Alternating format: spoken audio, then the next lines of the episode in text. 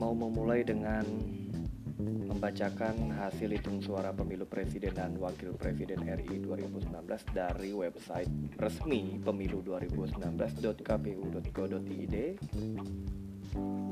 update-nya hari ini ya pertanggal 15 Mei 2019 pukul 16.00 pasangan 01 ada di angka 56,21 persen sedangkan 02 ada di angka 43,79 persen.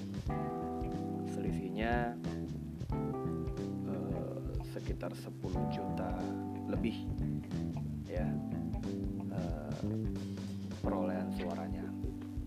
Nah, kenapa gue langsung ke hasil pemilu? Karena kita sekarang ini masih banyak disuguhin dengan berita-berita seputar pemilu, khususnya pilpres. Dan ke sini malah makin panas karena ada kubu yang berusaha untuk memancing keonaran. Sedangkan kubu yang satu lagi sudah diem-diem, anteng, adem ayem diusik aja terus. Nah, ini yang bikin gue makin bingung.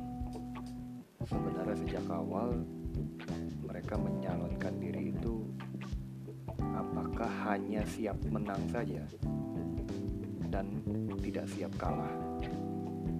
Sebagai seorang petarung ya dia harus bisa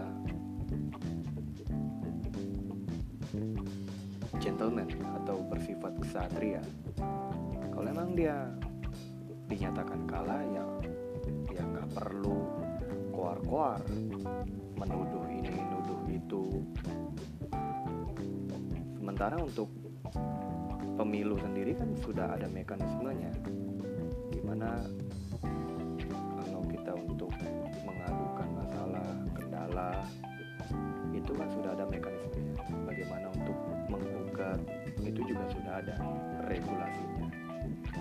Tidak harus seperti sekarang ini di berita aduh gue lihat di televisi ya ada di channel TV One Metro TV iNews CNN semua pembahasannya ada narasi people power dari salah satu kubu.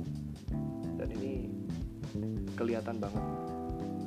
Sebagai upaya mereka untuk apa? Kesannya akan ada kekisruhan. Kesannya akan ada kericuhan.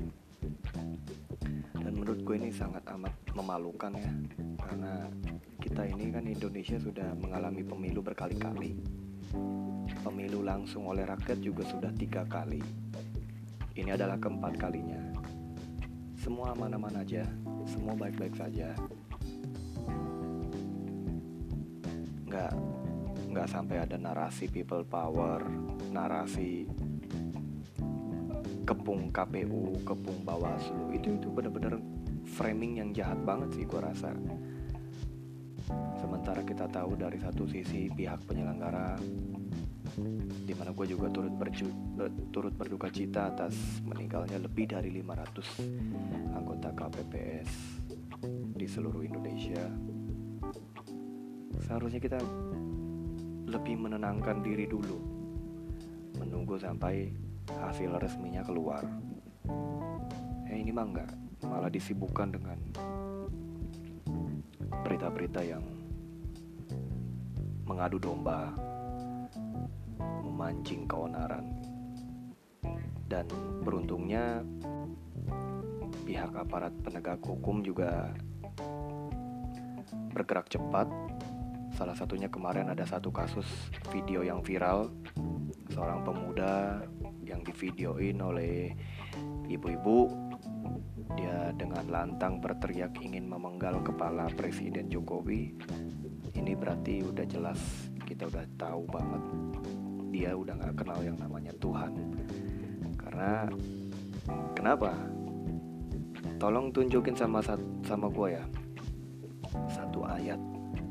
Ayat mana di dalam kitab suci agama mana pun yang menyuruh umatnya untuk memenggal kepala orang atas dasar alasan apa pun.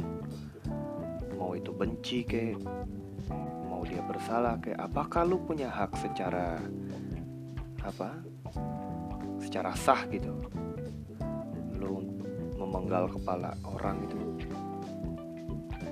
apa lu punya hak itu gitu? Apa lu punya wewenang itu? Dan apakah itu dianjurkan oleh Tuhan? Ya nggak akan mungkin kan. Nah maka di sini gue mau katakan bahwa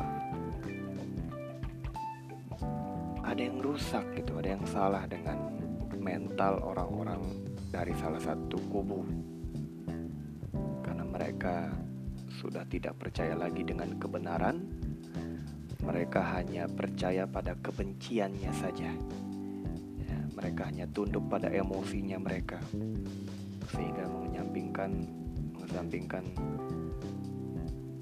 hukum budaya agama ya, mereka labrak gitu. Mereka lew lewatin semua itu sendiri. Dan ini miris banget kalau seandainya tidak segera ditangkap kemarin wah bahaya kan itu ancaman. Makanya kenapa gue katakan politik is free?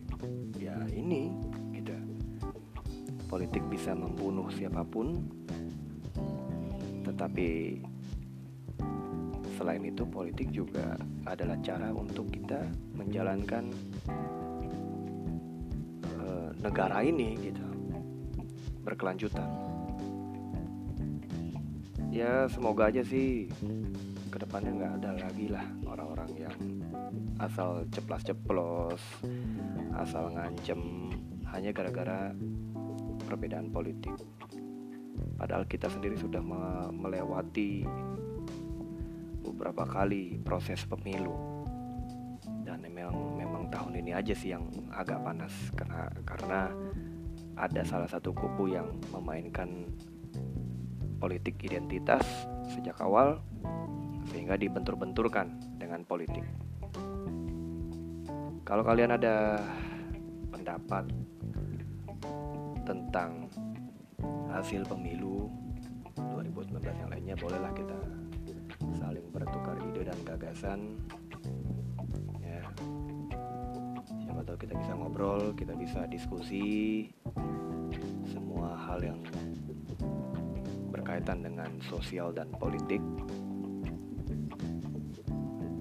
itu sebabnya kenapa gue membuat channel podcast Politik is Freak ini untuk menumpahkan emosi jiwa para netizen yang ingin nyinyir, ingin gibah tentang politik.